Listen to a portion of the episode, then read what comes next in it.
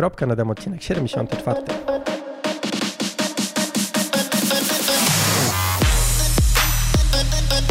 Cześć, jestem Marcin i właśnie słuchasz mojej audycji o triatlonie. Poznasz w niej fajne osoby, dowiesz się ciekawostek odnośnie treningu i sprzętu i co najważniejsze, posłuchasz o tym, jak pozostać normalnym człowiekiem. Bo choć sport to całe nasze życie, to jednak życie to nie tylko sport. sport.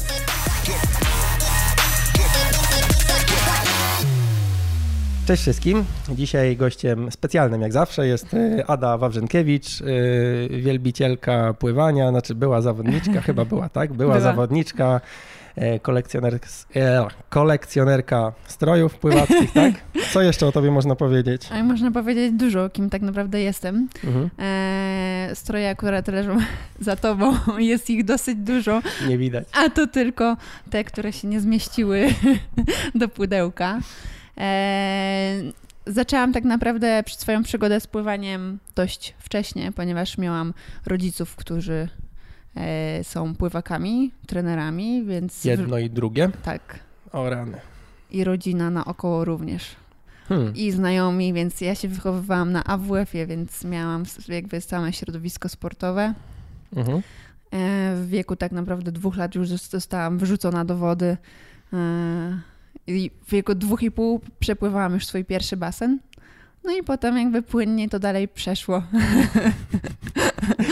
szybko zaczęłam swoją karierę. Oj, no, no, no, bardzo szybko. To zaraz i od razu jakby to nie było tak, że miałaś te dwa i pół roku, tam pobawiłaś się w tej wodzie, chociaż nie wiem, przepłynąć basen to dla mnie już nie jest zabawa. Mm, szczególnie w takim wieku, ale to się tak potoczyło, że już cały czas pływałaś, czy były jakieś przerwy, że nie wiem, poszłaś do podstawówki i 8 lat i e, dobra, to tam później?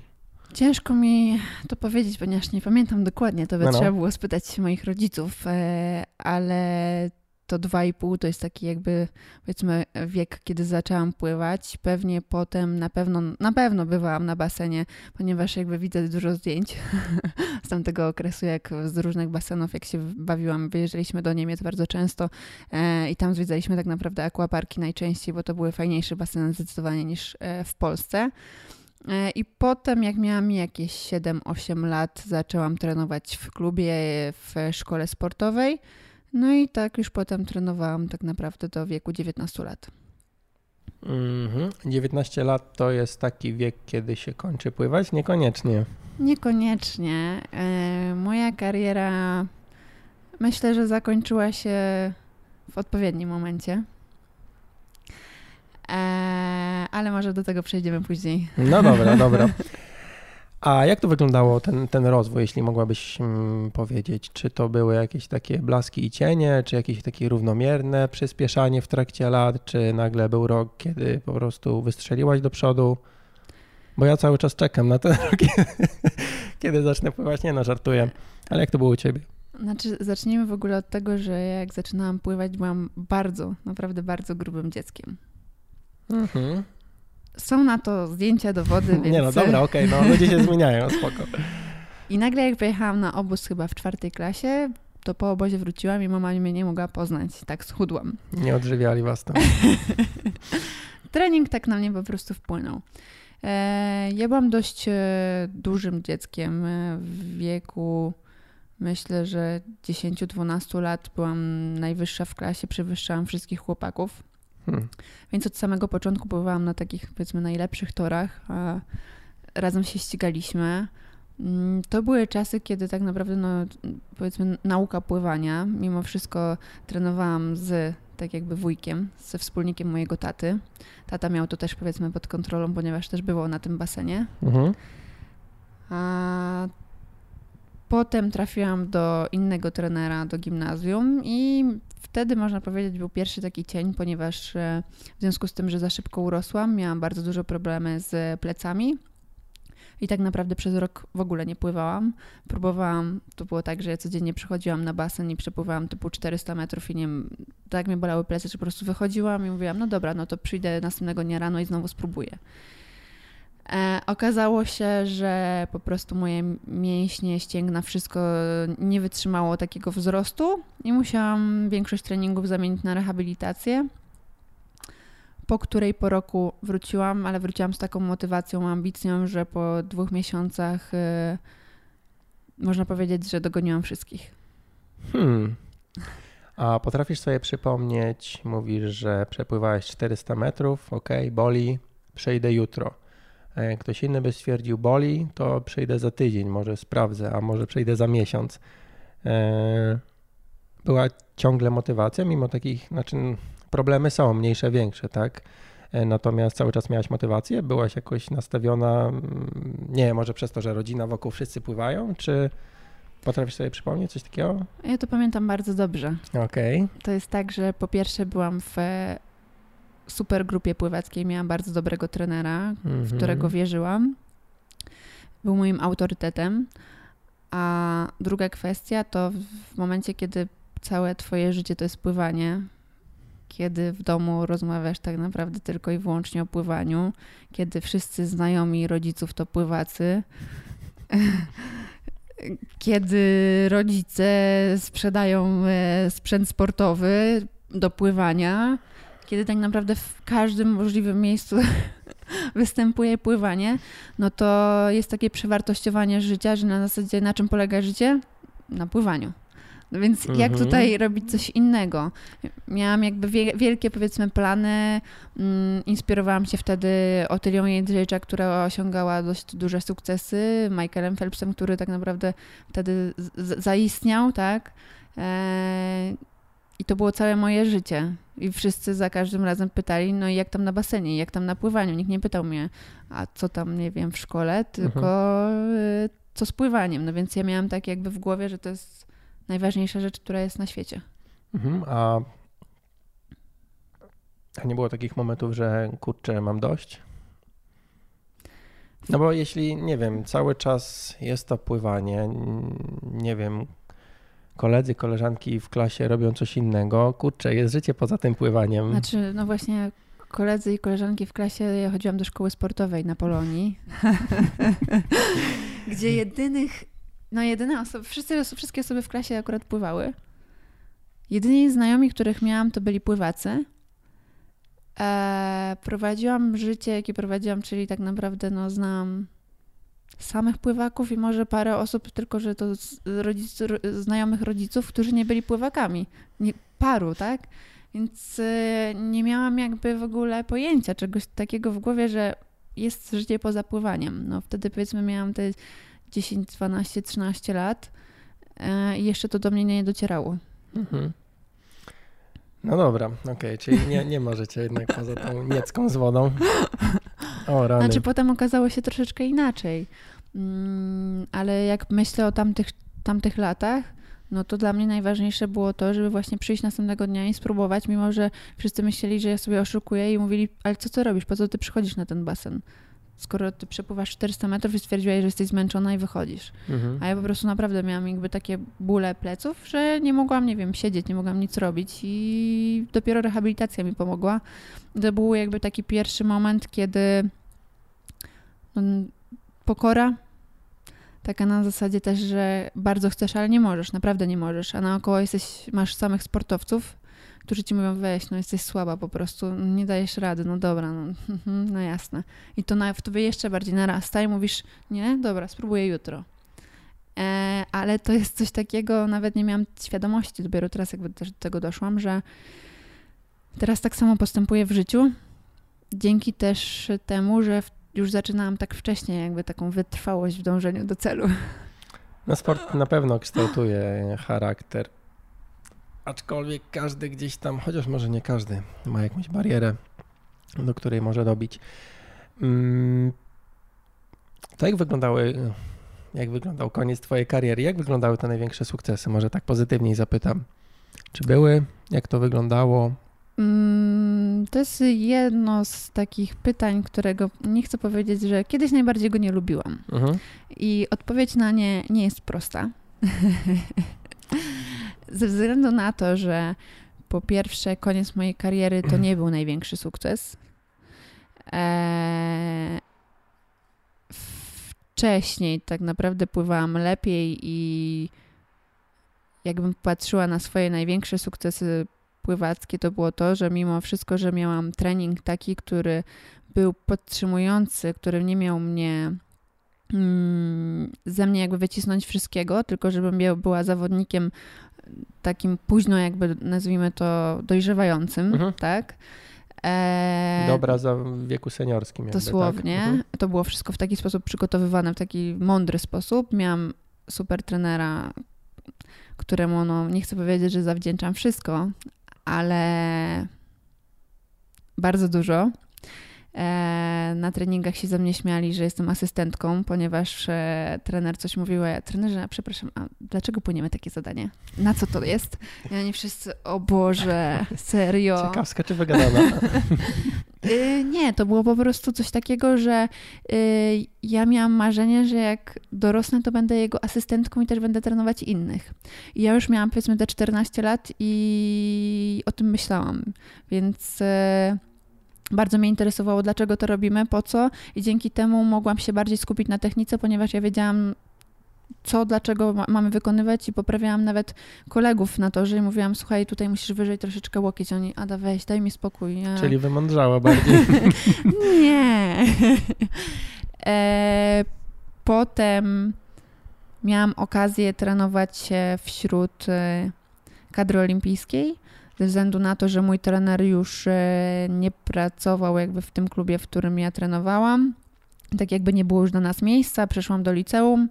No i to był taki powiedzmy, że rok przełomowy, e, a w związku, że ambicje zawsze miałam duże, to stwierdziłam, że ja nie dam rady, więc poszłam do jednej z lepszych szkół w Warszawie, do Matwizu gdzie spotkałam wszystkie osoby, które po prostu były bardzo, bardzo kochały tak naprawdę matematykę i nic nie wiedziały poza tym e, i spędzały tak naprawdę jeszcze po lekcjach cały do nocy po prostu siedziały nad zadaniami, a ja jeszcze wychodziłam na 5.40 na basen i potem wychodziłam o 22 prawie z basenu. E, no i wtedy właśnie dołączyłam do y, grupy kadry olimpijskiej.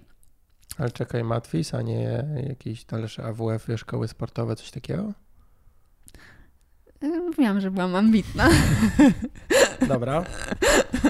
Więc chciałam połączyć jakby naukę na najwyższym poziomie mhm. z treningiem na najwyższym poziomie, mając lat tam te 15-16 mniej więcej tyle się ma. Mhm. E... Sorry, że przerwę. Tak. Te 14-15 z, patrząc na moje podwórko, 13, nie no 14-15, to jest ten wiek, kiedy mm, jak chłopaczki, no tak brzydko powiedziałam, ale jak chłopaki w mojej okolicy gdzieś tam bili się o, o wojewódzkie, czy nawet y, w Polsce o jakieś tam pudła na zawodach, to był ten wiek, kiedy połowa mówiła, że nie, już koniec pływaniem. Ja takie mam doświadczenia patrząc na no, gdzieś tam na sąsiadów i tak dalej, że to jest ten wiek, kiedy akurat już wystarczy, bo już tam, nie wiem, 6 lat treningu na przykład, wiesz, rano wieczorem, dzień w dzień i no i mówi, że u Ciebie było zupełnie odwrotnie. Tak, ponieważ e, Łukasz Drynkowski, który był moim trenerem, rozkochał mnie tak w pływaniu, że to była moja pasja życiowa i to, że ja po prostu wyobrażałam sobie, że ja nie wiem, będę pływać całe życie, a potem będę trenować innych i to był mój autorytet, i ja dopiero zobaczyłam, że tak naprawdę odkrywam pływanie, że to jest w ogóle do, dopiero początek, że takim jakby małym treningiem, takim zdawkowa, dawkowanym treningiem ja się polepszam jakby z miesiąca na miesiąc, no to wiedzieliśmy o tym, że w momencie, kiedy dołożymy mi obciążeń, no to odpłynę. Mhm. E, tylko nie do końca tak się stało. Z jakich względów? Z takich, że miałam, no jak przyszłam na AWF, to miałam treningi na godzinę 5.40 do 8. Również o 8 zaczynałam szkołę, więc biegłam z mokrymi włosami, e, spóźniając się na matematykę. E, siedziałam do 16 w szkole, 16.30 miałam już siłownię, do 17.30, 17.45 trening, do 20.20.15. W domu byłam o godzinie 22 i jadłam sobie powiedzmy, że obiad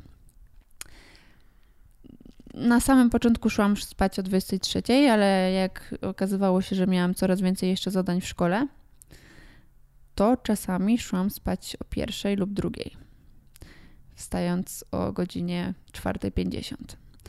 Więc łatwo można obliczyć, że mm, wiadomo, że regeneracja jest ważna, a tutaj jej w ogóle nie było. Więcej trenowałam tak naprawdę niż spałam. Mhm. No więc y, ambitnie dalej podchodziłam do tego, że nawet jak płynęłam i po prostu zamykałam oczy, bo nie byłam w stanie ich otworzyć, byłam tak zmęczona, to mówiłam sobie, nie, musisz, musisz, musisz, musisz tutaj, bo Phelps i w ogóle y, jeszcze dużo cię, dużo cię stać, w ogóle nie myśl o ograniczeniach i tak dalej. Cały czas się motywowałam. To długo trwało? Długo się tak potrafisz motywować? Znaczy jakby zostało ci to do teraz. Jak tak trochę cię obserwuję. Ale dobra, w sumie głupie pytanie. Długo. Długo tak można. Długo? No nie, mówię o tym, że wiesz, że jest jakiś ten idol, ta Otylia, ten, ten Michael i znaczy wiem, że u jednej osoby to jakby szybciej padnie, u drugiej druga osoba jakoś, nie wiem, może bardziej wytrwała jest w tym celu i te osoby najczęściej mm, dochodzą do, do czegoś, ale, ale zgubiłem wątek, więc mów dalej. Zadałeś pytanie, czy długo tak można? No i to jest taki powiedzmy, że yy, no moment... przy tym obciążeniu, nie? Moment... Yy nie chciałabym powiedzieć ciężki, ale to jest temat, który no, chciałam podjąć e, zawsze, jeśli chodzi o coś, czym bym się zajmowała w życiu. E, dlatego w międzyczasie też studiowałam psychologię. Ponieważ ja, zaczę- ja zakończyłam tak naprawdę trenować pływanie ze względu na to, że byłam, miałam depresję. Czyli można, ale przez jakiś czas. Tak. Wcale nie tak długo. Więc po dwóch, trzech miesiącach y, po prostu już nie wytrzymałam, bo no, motywujesz się i tak dalej, i tak dalej, ale w pewnym momencie już po prostu sam organizm mówi, no jakby mhm. enough. E, druga sprawa, że masz lat 16, naokoło ciebie są, no jest właśnie Otylia, Paweł Korzeniowski i inni super zawodnicy, którzy wiadomo, że ci imponują. Jest trener, który mówi, jesteś za słaba. Co ty w ogóle tu robisz?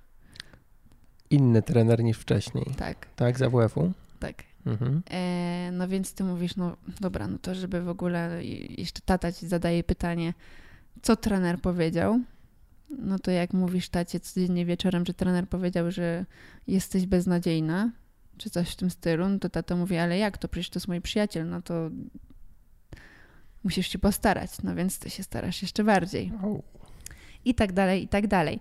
Jakby no, dotykamy jakby takiej historii, yy, to jest prawdziwa historia, po prostu taka, która uważam, że właśnie dlatego powiedziałam, że dobrze, że zakończyłam wtedy, yy, bo to miało mnie czegoś nauczyć i kiedyś yy, ja kończyłam pływać tak naprawdę w momencie, kiedy bardzo słabym, kiedy myślałam o tym, że zawsze mówiłam, że zakończę pływać, jak pokażę, na co mnie stać. I nagle skończyłam w momencie, kiedy tak naprawdę w ogóle nie pokazałam, powiedzmy, na co mnie stać w pływaniu, bo choćby nawet, nie wiem, dzisiaj jakbym zaczęła trenować dwa miesiące, to bym osiągnęła lepsze wyniki niż osiągałam wtedy, mimo że nie trenuję 7 lat. Ale mam tą świadomość, że tak by, tak by było, bo po prostu już wiem pewne rzeczy. E, wtedy byłam po prostu przetrenowana, ponieważ w, w momencie, kiedy to słowo jest bardzo w ogóle nadużywane, tak by the way, y, w dzisiejszych czasach, ale y, ja pływałam powiedzmy około 10 km dziennie na mm, powiedzmy, że około 10 treningów mieliśmy w y, gimnazjum i nagle jak przyszłam do liceum i miałam 11 treningów w wodzie i 5 treningów na siłowni, mhm które jeszcze trwały dłużej i po, na każdym pływaliśmy 8 km, to łatwo można obliczyć, mnożąc sobie to, jaka to jest wielka różnica i szczególnie, że na przykład mieliśmy zadania, które jeżeli wiedzieliśmy, że w poniedziałek rano ma, nasze główne zadanie ma 5 km, to główne najczęściej miało 5 km przez cały tydzień, tylko zmieniały się po prostu zadania, czy 5 razy 1000, czy nie wiem, 10 razy 500, tak? Mhm. E, I to były naprawdę bardzo obciążające treningi, takie, po, gdzie po miesiącu ja po prostu nie byłam w stanie przełożyć ręki przez wodę, bo byłam tak zmęczona. Mhm. E, bo nie pływałam nigdy w życiu takich treningów. Schudłam, umięśniłam się i tak dalej, ale to nie wystarczyło, no bo miałam zupełnie inne życie. Oni trenowali tak, że szli rano na trening, potem szli spać, obudzili się no, na obiad. A no ja tego nie wytrzymałam. Mimo wszystko jakby walczyłam tam ponad rok. Wiesz co, ale jak opowiadasz o tym pływaniu, to cały czas, e, znaczy może nie przez ostatnie parę minut, ale wcześniej z taką wiesz, jak o tym, nie wiem, o jakimś kochanku albo o, o jakiejś takiej, zła analogia, e, o jakiejś takiej miłości największej. Tak. E, z takim błyskiem. No teraz może te tematy smutniejsze się pojawiły, ale co zrobić wtedy mogą rodzice no nie, to chyba też nie do końca trafione, no bo powiedzmy, że rodzice nie pływają, tak? I teraz co mogą zrobić, żeby, żeby dziecko złapało bakcyla? Niekoniecznie może na, do tego pływania, ale do, do jakiejś innej aktywności w dobie, kiedy wiesz, wszystkie ekrany ciebie atakują naokoło, ale żeby złapać takiego pozytywnego fisia na jakimś e, sportowym temacie. Czy rodzice powinni trenować, czy znowu jak rodzica coś wciągnie, jakiś trening, to znowu, wiesz, dziecko w ogóle zostaje samo, czy nie wiem, jak teraz na przykład prowadzisz szkołę pływania, jakie masz, czy te dzieci chcą chodzić na, na, na, na te lekcje, czy przychodzą, dzisiaj słuchałem jakiejś takiej rozmowy w ogóle o pływaniu, zbieg okoliczności i mm, podobno dzieci przychodzą do, do tych szkółek, nie po to, żeby y, się nauczyć pływać, no to akurat jest logiczne, ale też nie, nie po to, żeby się bawić, ale że tam jest kolega, koleżanka jakiś. Masz takie obserwacje? Znaczy poruszyłeś tutaj dużo aspektów. Mhm. Na pewno bym e, e, tak jakby podzieliła to na dwie kwestie takie. Jedna to jeżeli rozmawiamy o mm, wyczynowym pływaniu, a druga jeżeli rozmawiamy o pływaniu amatorskim, czy o sportu amatorskim na zasadzie chodzę raz w tygodniu, czy tam dwa razy w tygodniu. Mhm. E, jeżeli chodzi o wyczynowe trenowanie sportu, e, najważniejsze według mnie jest to, żeby rodzic dał dziecku wybór, mhm. żeby nie naciskał na zasadzie, dobra, ja spędziłem życie, nie wiem, grając w piłkę, ale chciałbym, żebyś powiedzmy grał na gitarze, to teraz siedzisz i 10 godzin dziennie grasz na gitarze lub na odwrót.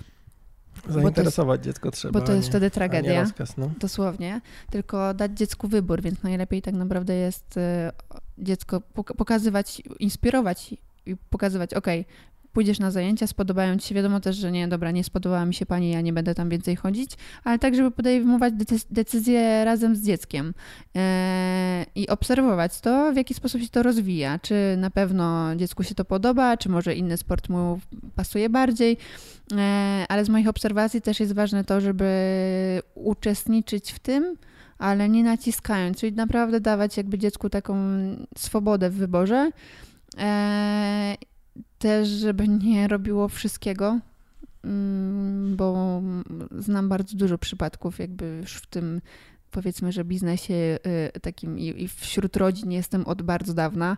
E, I są dzieci, które naprawdę robią wszystko, które mają nawet w sobotę tam pięć różnych zajęć. Mhm. To ono na, samo nie wie nawet, co lubi, czego nie lubi. Mhm. E, jeśli już rozmawiamy o osobie, która powiedzmy wybrała już dany sport, warto jest interesować się tym, ale z drugiej strony nie wchodzić jako drugi trener, jako taki head coach na zasadzie, wiesz co, mi się wydaje, że tą rękę tu tam źle wkładasz, musisz wkładać troszeczkę inaczej. Bo wtedy już dziecku się miesza w głowie i on nie wie, na co ma zwrócić, kogo ma słuchać, bo trener mówi inaczej, rodzic inaczej. Rodzic powinien tak naprawdę dawać wsparcie w tym, mhm. co robi dziecko uczestniczyć, czyli na przykład, nie wiem, dziecko idzie pływać, rodzic może też iść pływać, jak wiesz, akurat chce wy, wykorzystać idealne. czas. A na po wszystkim rozmawiają, co tam było, tak, co ci się podoba, co nie, bez oceniania znowuż, tak, nie? Tak. Chyba to będzie najlepsze. Um, jaki jest w ogóle, bo dzisiaj jakby byliśmy na Warszawiance przed chwilą, zmierzyłem się z basenem 50, nie polecam. tak. Pamiętaj, że to jest to jakby mój basen, więc jakby uważaj, co mówisz. Ja mówię tylko o długości toru. Nie, jakby słuchacze wiedzą, że lubię się nabijać z pływania, znaczy z mojego pływania konkretnie, nie ogólnie z dyscypliny. I jak wygląda ten rynek pływania? Bo kiedyś rozmawiałem już z warszawskim znanym trenerem i śmiał się, że nie ma basenów w Warszawie, że wszystko jest oblężenie i w ogóle tyle ludzi pływa. Jak to oceniasz? Dużo z tych pływaków? W ogóle ile lat prowadzisz szkółkę pływania? Mm, zajmuję się pływaniem tak naprawdę prawie 10 lat, ponieważ jak skończyłam karierę pływacką jako zawodowiec, to zaczęłam sama uczyć od razu. Mhm. A nawet jeszcze jak trenowałam to, w związku z tym, że tata prowadzi szkołę pływania, no to mówił, a idziesz do pracy. Mm, okej. Okay. Więc e, w związku z tym, że wcześniej się tym interesowałam, to mogłam i od zawsze, zawsze rozmawialiśmy o technice. Mm, potem przez lata tak naprawdę prowadziłam swoich zawodników jednego, dwóch, trzech i to się rozwijało. Jakby ta historia jest długa, ale nauczyła mnie właśnie znowu pokory i wytrwałości w dążeniu do celu, bo to nie jest tak, że ci ludzie pojawili się nagle znikąd, tylko to była moja ciężka praca, którą zauważyłam tak naprawdę dosyć późno, bo dopiero teraz. Mhm. I wielokrotnie o tym wspominam osobom, które, nie wiem, trenują rok i mówią, a ja bym chciała to, to, to. Z nie, no wiadomo, że... Nie będę wchodzić do wody, tego nie będę robić. Ileś lat coś robić, nie? Ktoś zrobi coś tydzień, a tej to się udało. Tak, to, to jest tak, jakby spoko. to jest w ten sposób, ale, ale szkółkę, jeśli chodzi o, o szkołę pływania, e, założyłam półtora roku temu. Dobra, a mm, powiedzmy, biorąc y, pod lupę 10 lat, ile basenów w Warszawie powstało przez 10 lat? Nie mam pojęcia. Ale widzisz, żeby się coś budowało takiego? Słyszysz o tym, że o, powstała nowa pływalnia, czy aquapark, czy z basenem sportowym przy okazji? Czy, Wiem, czy takie newsy jakby nie, parę nie widzisz? się buduje, ale mi się wydaje, że w Warszawie od zawsze było dużo basenów w porównaniu hmm. z jakby z całą Polską. E, na pewno brakowało pięćdziesiątek, e, na których można by było nie żartuję. Trenować, na których można by było, mogliby trenować pływacy. Mhm. E, teraz w związku z triatlonem od paru lat y, i, i tak naprawdę grupami, które też zajmują dodatkowe tory, e, tych torów zaczyna brakować, nawet w Warszawie, bo to jest bardzo popularny, bardzo popularny sport. E, w momencie, kiedy wchodzą grupy pływackie, które zajmują 3, 4, 5 czy 6 torów, no to tutaj zaczyna się problem, ponieważ mhm. przychodzą klienci indywidualni, którzy mówią, no halo, ale ja też chcę sobie popływać. I teraz jeżeli zawodnicy wchodzą i tam pływa nawet, nie wiem, 12 osób, chociaż już czasy się zmieniły, my wtedy tak pływaliśmy po 12 i to było normalne, a teraz na pływa... Na 50 czy na 25? No i na 25. I na basenie, który miał na zasadzie wodę dotąd. Mhm. E, ja na takim pływałam i bardzo dobrze w to wspominam, e, bo to był dosyć ciekawy basen, który jak na czterech torach inni zawodnicy pływali delfinem w łapkach i w płetwach, to my pływaliśmy kraulem razem z nimi, tak w ten sposób, ale z kolei jak przyjeżdżałam na zawody na Warszawiankę, to ja miałam wrażenie, że w ogóle był taki, taki smooth, taki gładki basen, że ja nie wiedziałam o co chodzi, dlaczego mi się tak dobrze płynie. Słuchaj, e, a propos fali na basenie, to no są te linie, tak, które tory przedzielają. Mm -hmm. I ja od jakiegoś czasu się zastanawiam, dlaczego te e, linie z pływaczkami takimi plastikowymi są takie, że no, jakby szerokość torów jest różna. Pływam, pływałem właściwie na jednym basenie, gdzie jest dość wąsko. No i tam akurat robiliśmy takie treningi grupowe, gdzie generalnie był problem, żeby jak się mijało y, z osobą, która płynęła naprzeciwko, trzeba było uważać, jak się tą lewą ręką macha mhm. przy kraulu, no żebyś po prostu siniaków sobie nie nabić więc się pływało zupełnie przy prawej stronie. No i czasami kończyłem zajęcia w połowie, no bo walnąłem, strzeliłem kilka razy w ten, w ten plastik i o pokrwawione rękę nie będę z tym pływał.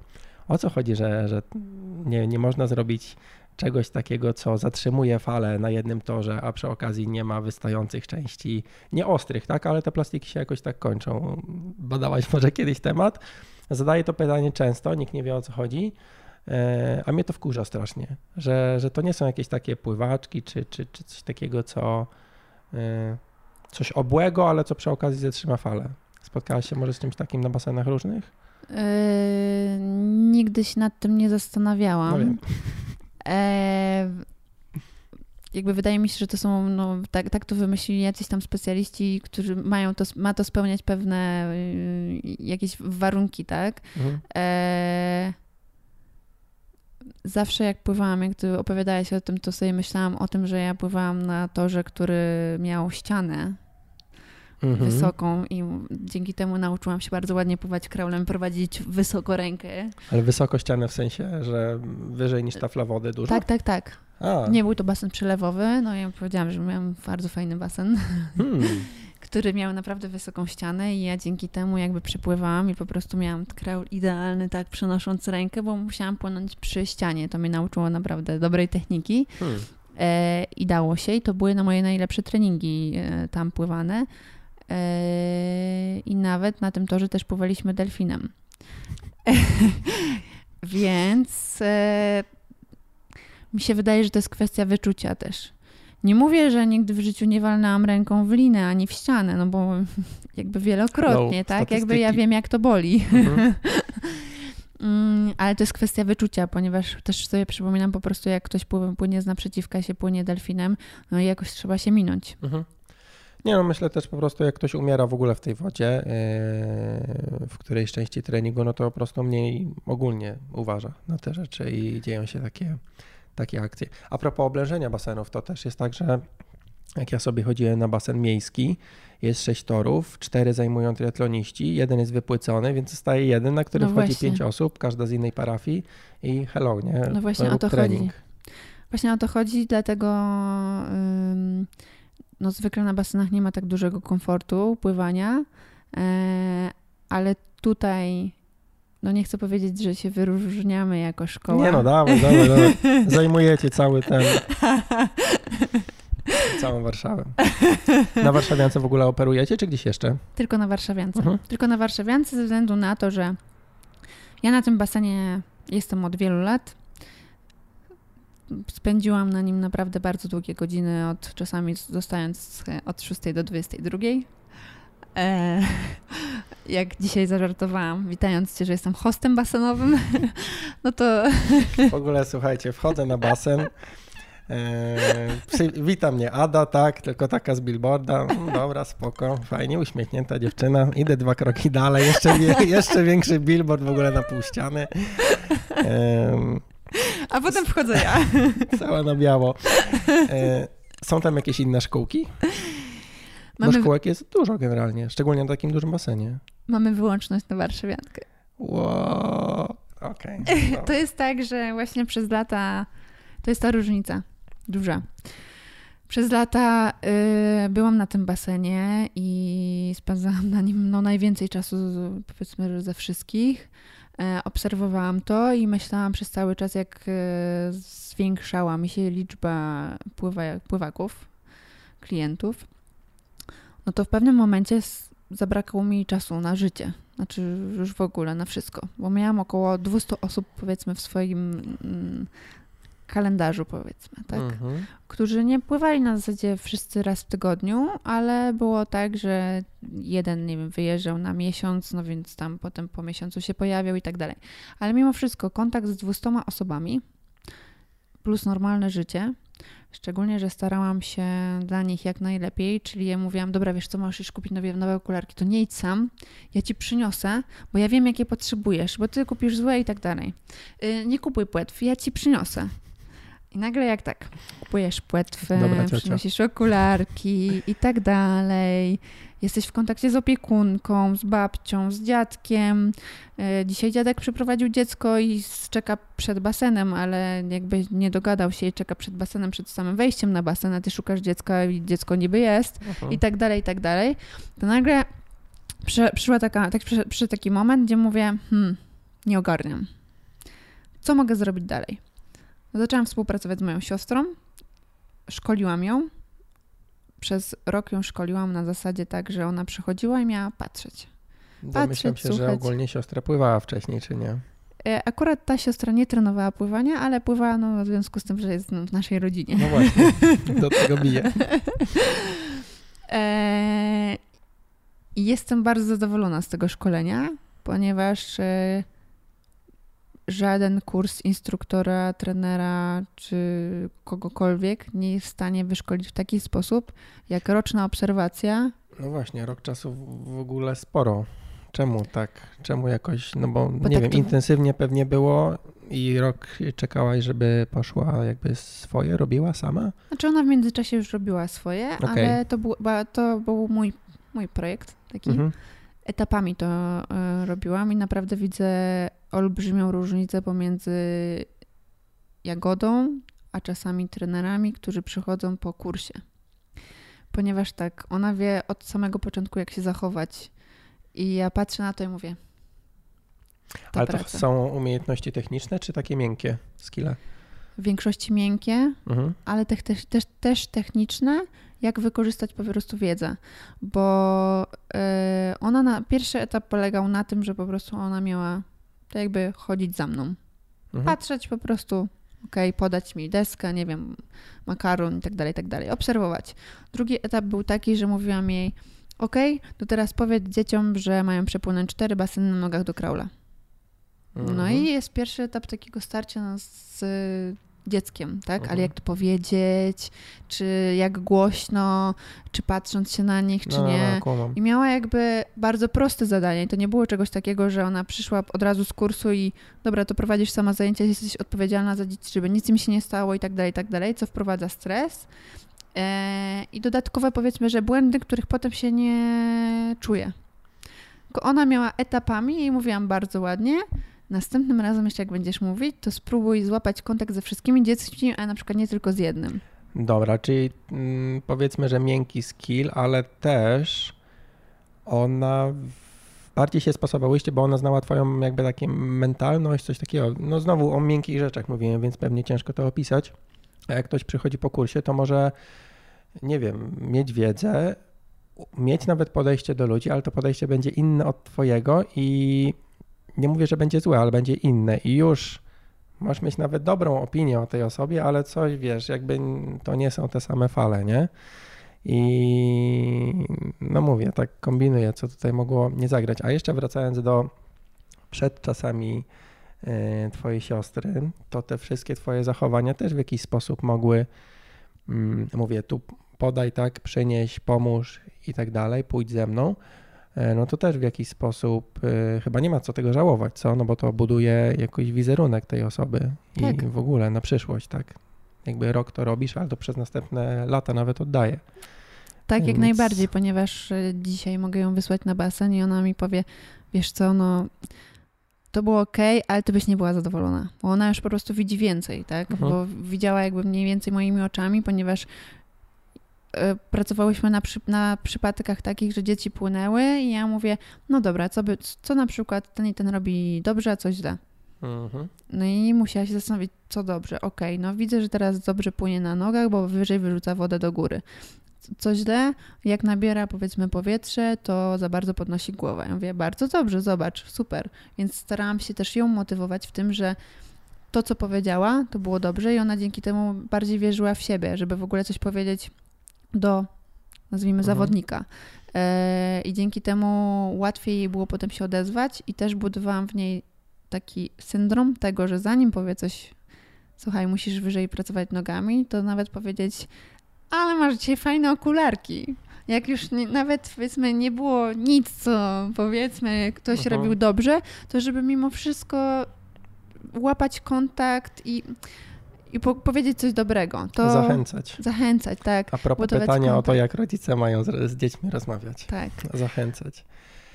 Skąd pewność wtedy, że twoje podejście do tych osób było, jest, będzie prawidłowe? Yy, Obawy się biorą stąd, że mm, nie wiem, na przykład mm, osobą, którą uczycie, na przykład jest dziecko w wieku, nie wiem, 8 lat czy 10 lat, a ty w wieku 10 lat dostawałaś, nie wiem, proszę tutaj 400 kraulem, wolno jeszcze raz, wiesz, jakby zupełnie inne podejście, zawodnik, a tutaj dziecko. Mhm.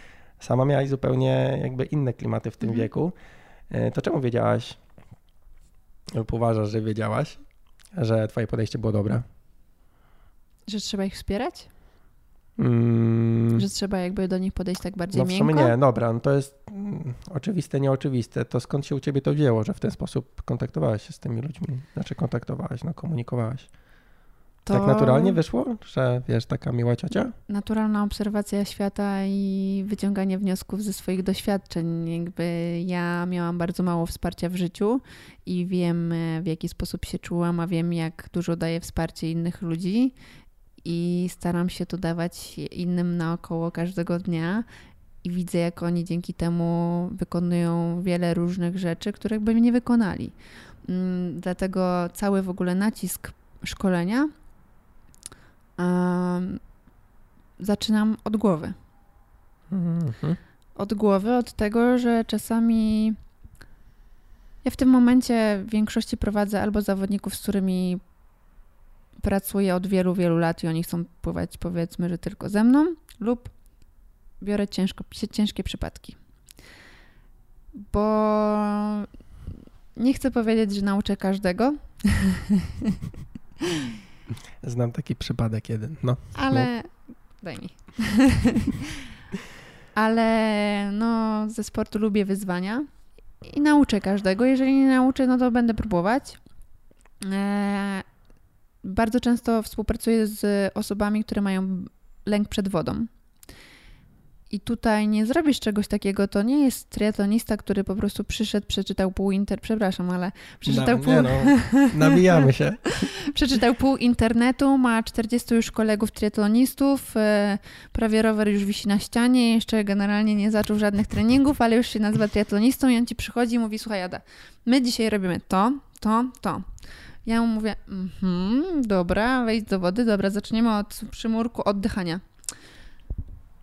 Przepraszam. Czy ty wiesz, że jestem triatlonistą?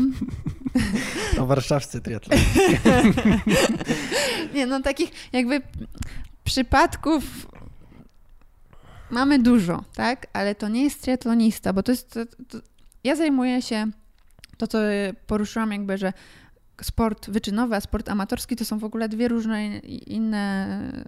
Inne podejścia. Inne podejścia, ale powiedziałabym to jakby prawie, że inne sporty. Mimo, że to jest pływanie i to jest pływanie.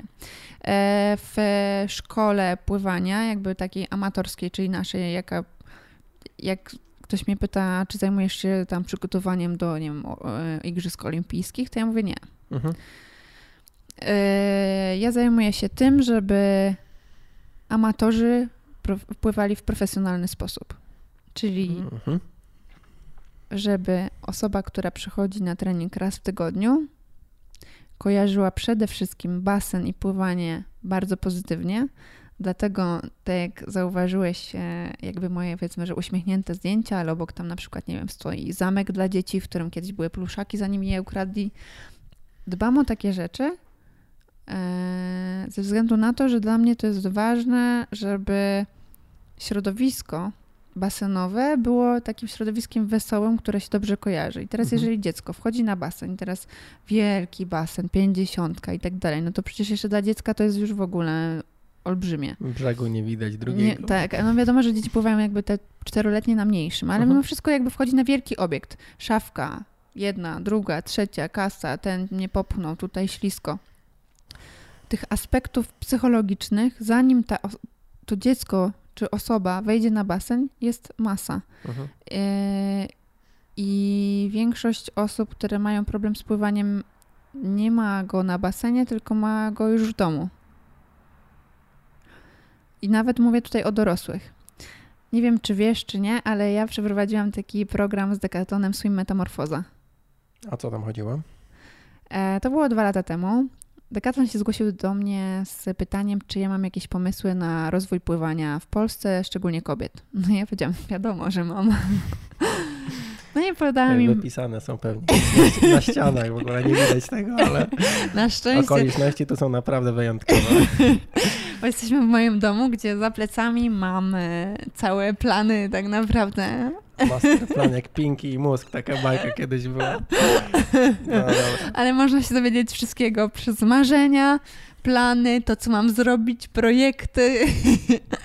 Tylko nikomu nie zdradzaj, bo większość, większość to są te ukryte projekty. O rany. Dobra, i Czyli robisz te, z tego pływania coś więcej. Znaczy wiesz co, w ogóle patrząc na jakiekolwiek biznesy, to mówiłaś o tym zamku, sorry, że przerwę, Mhm.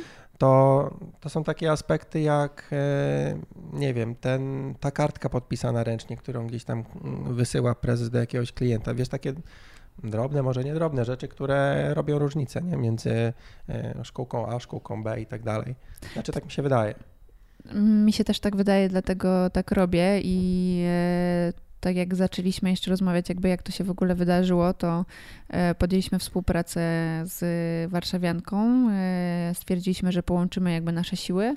Oni mają basen, ja mam know-how. Teraz jest, jesteśmy partnerami, czyli oni jakby udostępniają nam obiekt, a my dajemy ludzi i to, w jaki sposób to zrobić dzięki temu mm, no, mamy komfort, tak? Czyli że jest, mamy rezerwację na całym torze i dzieci mają spokój w tym, że triatlonista czy ktoś inny w nich nie wpłynie. E, I bardzo o to dbamy. Dodatkowo no, mamy tą wyłączność, która powoduje, że jesteśmy jedyną szkółką na basenie. Jesteśmy widoczni, Mhm. pomagamy innym. Zadaj pytanie. Czemu? Jaki miał biznes yy, park wodny, żeby w ogóle dać komukolwiek wyłączność? Skoro mógłby zająć na przykład 6, z dzie- 10 torów jest? 10 10. chyba. Mógłby, wiesz, za, po prostu oddać w yy, nie dzierżawę, ale no dać, wiesz, trzem szkółkom po dwa tory i w ogóle jak jest, y, jeśli chodzi o wynajem torów? Jest tak, że nadal cena za wynajem jest taka, że tyle ludzi by tam nie wlazło na, na jeden tor? Tak. Dobre, dobre masz jakby informacje, zgadza się. E, Znaczy to jest y, chyba w całej Polsce, tak, że jakby tam 10 osób weszło, no może nie 10, ale 8 osób by weszło na ten tor y, na 25 na przykład, to tyle chcą za wynajem toru. Jeżeli chcemy rozmawiać już o liczbach, to wynajem basenu na Warszawiance to jest około 300 zł za godzinę. Mhm. Tak, Znaczy to powiedzmy, tor, za tor. tak, no. Za, jeśli mówimy o normalnych stawkach. Mhm. E, Wracając do Twojego pytania, jaki biznes miał wodny park? Przede wszystkim mm, porządek na basenie. To, że nie ma e, wielu trenerów, którzy no każdy jakby robi swoje i teraz mamy tak rodziców, którzy wchodzą na basen, e, gdzie nie wiadomo kogo to jest rodzic e, i wiele innych jakby takich e, aspektów związanych powiedzmy z rodzicami. To, że też Wodny Park miał swoją szkółkę, która była prowadzona w sposób no taki, w jaki umieli, a widzieli, że ja mam ja już wtedy prowadziłam zajęcia grupowe i indywidualne i ja miałam tak naprawdę więcej klientów niż oni w pięciu trenerów. Mhm. No więc ja dałam im coś, czego oni nie mieli, oni mi dali coś, czego ja nie miałam. E, więc ja dałam im klientów, ale dałam im też, jak można, jak mogłeś zobaczyć, powiedzmy, że wizerunek. Czyli szkoła nazywa się Adrianna Swim, tak jak jakby nazywają się wszystkie moje y, portale. Mhm. E, jestem takim jakby head coachem. Mm, Odpowiadam za to. E, dbam o to, żeby jakby odpowiadam za to samą sobą, tak? Więc jeżeli mój trener coś zrobi, no to to nie jest on, tylko to jestem ja. To ma swoje zawsze plusy i minusy. Mhm. Mamy około teraz 20 trenerów. Tak, więc Sporo. więc się rozwijamy. Eee, No i przede wszystkim zwiększyliśmy li- liczbę osób, która pływała na zajęciach grupowych, więc e, no, biznes miał w tym nie, duży. Nazwijmy to, że to jest kwestia i finansowa, i świętego spokoju, że ktoś odpowiada Mhm. za ten cały bałagan, czyli ja. Dobra, tylko no na pewno nie zaczynało się od 20 trenerów, więc podejrzewam, że osoba jakaś decyzyjna, że ten początek się opierał po prostu na zaufaniu. Tak sobie to Zdecydowanie, wyobrażam. Zdecydowanie na zaufaniu, ponieważ pan prezes basenu w momencie, kiedy przychodził do pracy, to widział mnie codziennie i przez cały czas, jak był w pracy, bo ja byłam cały czas na basenie. Mhm. Więc znaliśmy się już od y, dawna i, i mieliśmy do siebie zaufanie w, po wielu, naprawdę wielu rozmowach. Mm, Dodatkowo, że miałam powiedzmy dobre referencje od innych.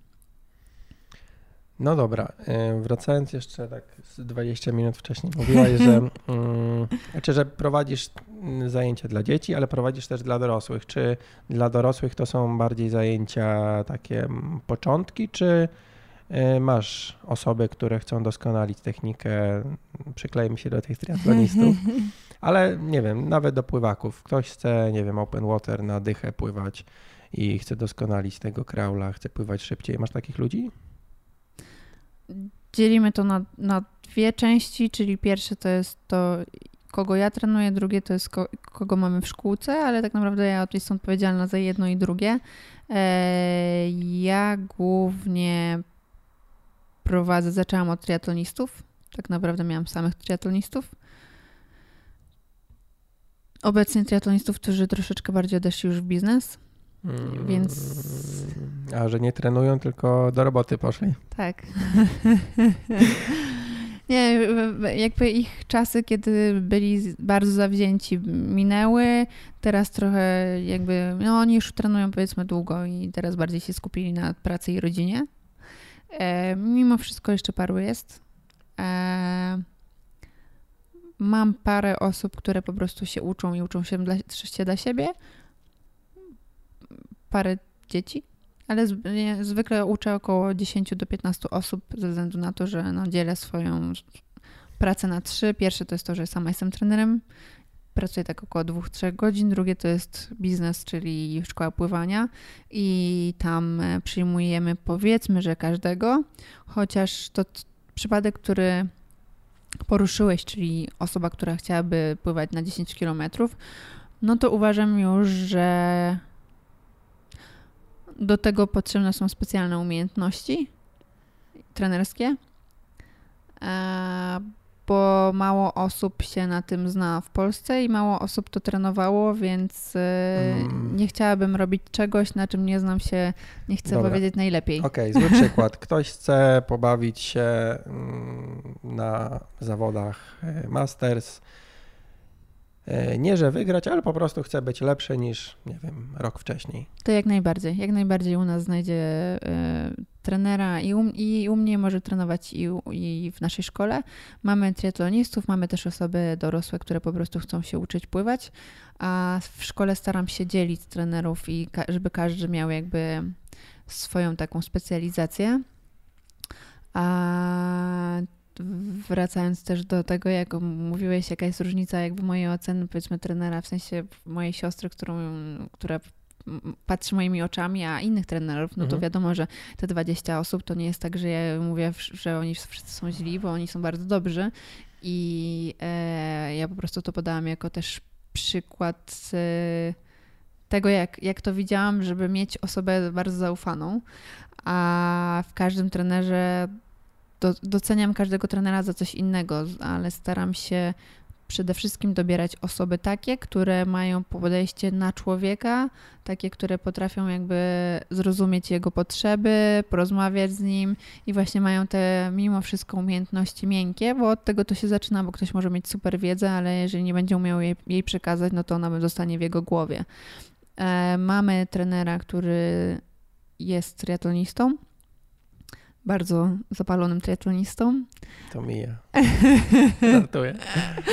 I e, bardzo lubię ten moment, kiedy nawet czasami po treningu tam im pokazuję i tak dalej, i tak dalej. Mówię, dobra, ja wejdę do wody, jeszcze wam pokażę. I mówię... e, mamy osoby, które tak jakby mają podejście bardziej pływackie na stricte pływanie. Staram się naprawdę dobierać tak osoby, żeby tak zwany każdy znalazł jakby u nas miejsce. Bo to nie każdy trener jest dobry do wszystkiego. Do wszystkiego. Mhm. E, w ogóle a propos tak też podsumowując to, co mówiłaś e, o swoim pływaniu zawodowym, to tak jak rozmawiam z różnymi sportowcami, którzy mm, no jakby topu w Polsce, jeśli chodzi o to bieganie i triatlon, do, e, do amatorów, jak ogromną rolę ma przypadek w tym wszystkim. Bo jeśli masz 13 lat i albo nie wiem 7 i nagle nauczyciel, no może 7 nie, ale 9 i nagle nauczyciel w podstawówce ci mówi, że ale słuchaj, ty będziesz biegać na 400 metrów, nie? I nagle cię wyłapuje do jakiejś sekcji totalnie z czapy, Mhm. a ty wiesz, po następnych 10 lat biegasz te 400 i jesteś gdzieś tam w czubie w, e, no, po 10 latach końcówka szkoły średniej, e, a wiesz, jakiś totalnie jeden moment, a inna osoba po prostu nie zauważy te, tego dzieciaka, nie? I, no i dzieciak, nie wiem, będzie grał w piłkę albo w coś. Mhm. E, tak jak mówiłaś, że, że nie wiem, że jeden trener w liceum czy gdzieś był taki, że w ogóle rozpływałaś się tutaj opowiadając o nim, a później na tej a później na tej szkole wyższej na uczelni znowu był, był hardcore, nie? Jak bardzo ci ludzie y, dużo, no też nie, nie masz wpływu na to, na kogo trafisz, tak? Idąc do szkoły, nie wiem, nie, nie idziesz do dziekana, to ja, halo, ja chcę innego nauczyciela. Mhm. Nie ma takiej opcji, możesz iść do, na inną uczelnię, nie? I nie wiem, zaczynać od nowa albo coś takiego. Więc e, no z jednej strony to jest e, jakiś tam fart, nie fart, znaczy no kwestia na kogo się trafi, a z drugiej strony mm, chciałem podsumować to podejście do ludzi, e, bo też często gdzieś tam zwracam, ale po cichu sobie na to uwagę, jak dużym, dużą umiejętnością jest e, umiejętność postawienia się e, po tej drugiej stronie, postawienie się e, po stronie osoby, do której mówimy tak naprawdę, nie jak ona się czuje, czy, nie, czy jest zmęczona. I nie, nie mówię też o jakimś takim, że o teraz z takimi pipkami są i, i wiesz, i trzeba wszystkich głaskać i że w ogóle jest super, mimo że jest gówniano. Ym, no ale znowu, no jest gówniano i tak jak mówiłaś, że fajnie tą osobę w jakiś sposób jednak podbudować, Mm, ale nie powiedzieć, że ale fajny masz czepek, ale wiesz, z tym pływaniem to daj Mhm. spokój. Tylko, że, mm, że kurczę.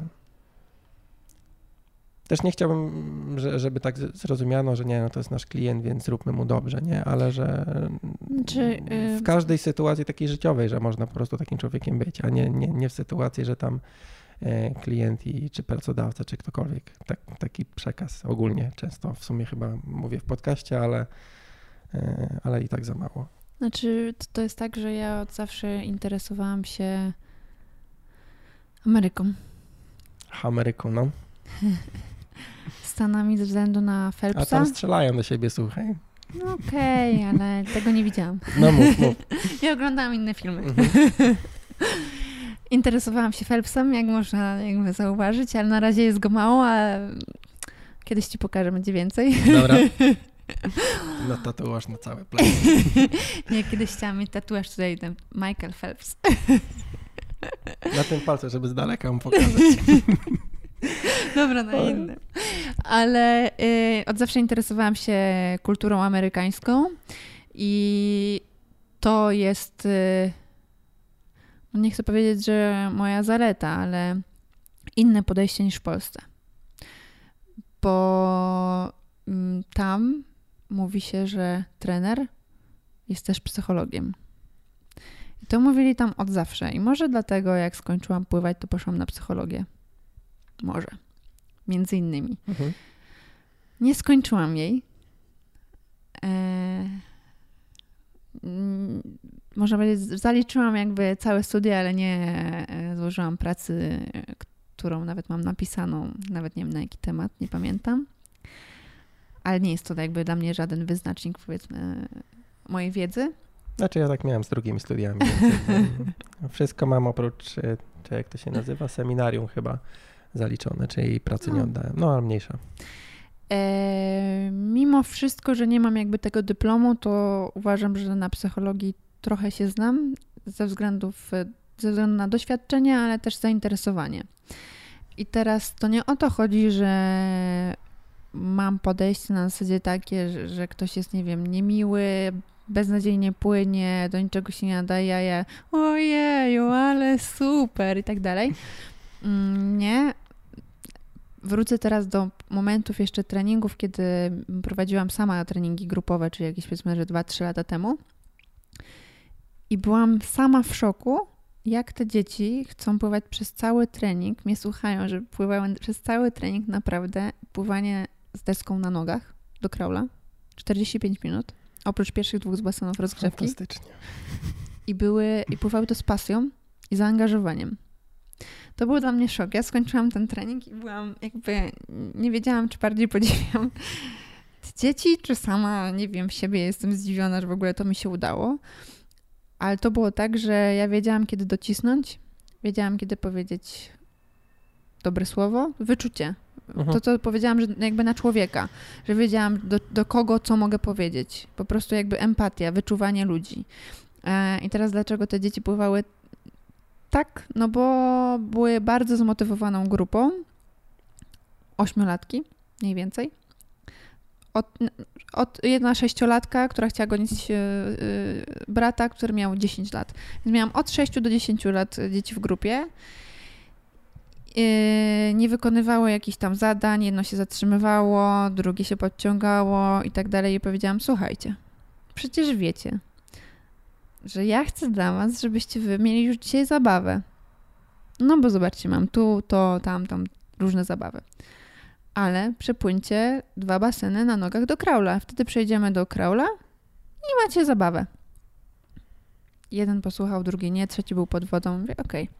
płyniemy jeszcze raz dwa baseny. Przepłynęli, znowu ktoś tam coś tam sobie płynął inaczej. Mówię, no bardzo mi się to podobało. Tylko słuchajcie, jakby dalej nie przepłynęliście tych dwóch basenów. Jakby to, to, co ja wtedy mówiłam, pamiętam, że była moja siostra obok i mówiła, Boże, daj już im spokój. Jakby, ale skąd ty wymyślasz te pomysły, co masz w głowie? A ja po prostu leciałam na flow. No teraz takim flow, że do końca pływali, przepłynęli te dwa baseny i powiedziałam, wow, jestem z was mega dumna, że wytrwaliście, jesteście super zawodnikami. Oni byli tacy, jesteśmy najlepsi, mega dumni. Ale to ich nauczyło tego, że naprawdę ja od czego od nich wymagam. Że ja od nich wymagam naprawdę, żeby oni przepłynęli te dwa baseny. Okej, okay, mamy zaliczone, ale mamy zaliczone nie na zasadzie, że po prostu oni przepłynęli, ja zamknęłam oczy i doczłapali się do końca, tylko wiedzieli, że jakość jest najważniejsza. I teraz mhm. czasami te dzieci pływają lepszą techniką, pływając raz w tygodniu, niż dzieci, które pływają dwa razy dziennie i trenują. Hmm. Bo nacisk na to, żeby ok, skoro przyszedłeś na 45 minut na basen, to z kolei, skoro teraz dzielimy te 45 minut, teraz płyniesz powiedzmy 5 minut na nogach, to pomyśl o tym, że te 5 minut na nogach płyniesz dobrze, ale okej, okay, 5 minut na nogach to jest cały basen, ten basen dzielisz jeszcze na połowę i mówisz sobie, dobra, do połowy tutaj, dobra, zwracam uwagę na to, żeby na przykład nie podnosić głowy za bardzo do tyłu, tylko żeby podnosić całą brodą do góry. Zwracasz uwagę na małe elementy, dzięki czemu czas szybciej mija, ty jesteś skupiony, skoncentrowany, poprawiasz po kolei różne aspekty, dopływasz te dwa baseny i zrobiłeś tyle, co ktoś, kto nie myślał o tym, tylko był płynąc na rowerze, płynąc jakby myślał o tym, że mhm. jeździ na rowerze no, i no, przepłynął no. dwa kilometry ciągiem. No przepraszam, ja jestem jakby takim trochę hejterem pływania na zasadzie dwa kilometry ciągiem, no bo nie wierzę, że ta osoba, która to wykonuje, jest skupiona na swoim zadaniu. No, no, no, no. Znaczy, no ogólnie mm, cokolwiek robiąc, można się skupić na tym, co się robi, nie? Może ciężej jest na rowerze, bo tam się kręci, ale w bieganiu już też jest sporo zmiennych, jak się człowiek w to wkręci. Mm, czy wiesz, czy tak jak sporo osób teraz, które y, gdzieś tam biegają dłużej, y, amatorów, a nie zadbali zresztą dokładnie tak samo jak ja o y, ogólnorozwojówkę i ogólnie tam rolowanie takie pierdoły. E, no to, że miednica po prostu, wiesz, no ludzie są złamani po prostu w połowie i wiesz, nogi są do góry, a ciało później już jest do przodu pochylone i tak. wydaje mi się, że biegną szybciej, bo są pochyleni do przodu. Mm, a później odkręcenie tylko trochę trwa. Jaka jest, zmieniając zupełnie temat, jaka jest granica bólu u ludzi, jeśli chodzi o zajęcia indywidualne, jeśli chodzi o cenę w Warszawie? Jak uważasz? A, zadałeś mi pytanie. Wiesz co, raz chyba u ciebie widziałem jakiś hejt, jeśli chodzi o, e, o stawki. I tak, tak sobie zrodziło mi się, no. To był hejt na stawki w mojej szkole, a nawet nie moje. A mimo wszystko, że to był hejt na niby moje stawki, które są dwa razy wyższe od tamtego. Aha. Dobra, to gdzie jest granica bólu wtedy? Inaczej. Na Za ile się... zajęcia indywidualne można przejść we dwie albo trzy albo w pięć osób? Czy we dwie tak, a w trzy to już jest grupa? Te zajęcia indywidualne to... Znaczy wiem, że indywidualne, tak indywidualne. Ale jakby, wiesz, przychodzi, nie wiem, kumpel z kumplem, koleżanka z koleżanką, para, yy, stwierdzają, że no bo instruktor i tak przychodzi na te tam, nie wiem, ileś minut, czy na godzinę, więc jak to się liczy? Jak to wy liczycie? Ty liczysz? Znowu podzielę to na dwie części. W szkole y, mamy zajęcia, in, nazywamy je dwuosobowe. Czasami jakby stwarzamy dodatkową jakby opcję dla, trzy, mhm. dla trzech osób. E, wtedy mniej więcej to jest 60% więcej. Czyli mhm. to nie jest tak, że powiedzmy 100, około 150 zł kosztuje lekcja indywidualna. Dla jednej osoby czy dla Dla jednej dwóch? osoby. Mhm. Dla dwóch mm, jest to około 240 mhm. lub więcej. Coś, coś w tym, tym stylu. Jak to e, się przedstawia na rynku warszawskim w innych szkołach? Mm, nie sprawdzam tego, ale na pewno jest taniej. Mimo wszystko e, jesteśmy w, na Mokotowie. Na 50 nie ma drugiego takiego basenu, w, który by miał sauny, zjeżdżalnie, ciepły basen dla dzieci i tak dalej. Czyli mamy tutaj jakby wszystko w jednym, no i mamy doskonałą lokalizację, więc jakby możemy możemy jakby tutaj e, też zagrać ceną, mm -hmm. ale dodatkowo dajemy do tego jakość. No właśnie, bo zastanawiam się, na ile osoby przyciąga lokalizacja, ok, na ile osoby przyciąga ten cała, cała otoczka tego, co się znajduje mm, w parku wodnym, plus to, że to jest 50, a na ile jednak przychodzą tutaj dla ludzi lub po tą jakość. Bo mi się wydaje, ok, no ja mam parę basenów blisko domu, ale yy, no mi tam generalnie by nie robiło, czy to jest 50, 25, ja tam przychodzę generalnie pływać, a nie, a nie się bawić. Mm, no więc raczej idę do ludzi, a nie do yy, ślizgawek patrzysz pod kątem jakby triatlonu, yy, tak. No A jeśli, jeśli druga, jeszcze jest druga kwestia, powiedzmy, że to ci koledzy, czyli gdzie oni trenują, yy, ja bym tutaj brała pod uwagę jeszcze po prostu lokalizację na zasadzie korki, czyli gdzie chodzisz, gdzie jesteś, gdzie chodzisz nie, do nie pracy. Ma korków, no. no właśnie. gdzie, gdzie, pracujesz i gdzie masz basen po drodze, mhm. lub gdzie masz grupę, z którą trenujesz, jeśli chodzi o takie osoby, które już trenują, a jeśli chodzi o dzieci, no to w większości jadą do trenera, którego lubią i e, znowu środowisko. Coś, czego też chyba nie widziałeś, to nawet zrobiliśmy też taką syrenkę. Zostań syrenką z Adrian Swim i masz syrenkę, którą tam wkładasz główkę i robią zdjęcia i są dzieci, które mówią, wow, wow, robicie zdjęcia. Co tydzień muszę robić to samo zdjęcie, mam już całą galerię tego. I te dzieci przychodzą, no bo też tato, idziemy na zjeżdżalni potem, albo pójdziemy okay. do jacuzzi, e, to ma znaczenie. No tutaj jakby korki też wchodzą w grę. Ja jeżeli, jak robiliśmy taką analizę, zanim jakby podpisaliśmy też całą umowę, no to brali, robiliśmy pełną analizę biznesową e, i w tym rejonie jest najwięcej, najwięcej osób pracujących w wysokim menedżmencie co oznacza też, że jest jakby najwięcej pieniędzy w tej y, lokalizacji, tak? Mhm. A jeszcze jest druga kwestia, jeśli chodzi o powiedzmy, że treningi ze mną. Wiadomo, że one są droższe. E, ze względu na to, że patrzę po prostu na to, ile godzin mam wolnego czasu. Hmm. E, wolnego w sensie takiego swojego, którego, które poświęcę na to, żeby nauczyć kolejną osobę pływać, mimo że chciałabym, ja bym mogła uczyć każdego powiedzmy, że za darmo, bo lubię to. Mhm. E, aż się ożywiłam. Nie widzę.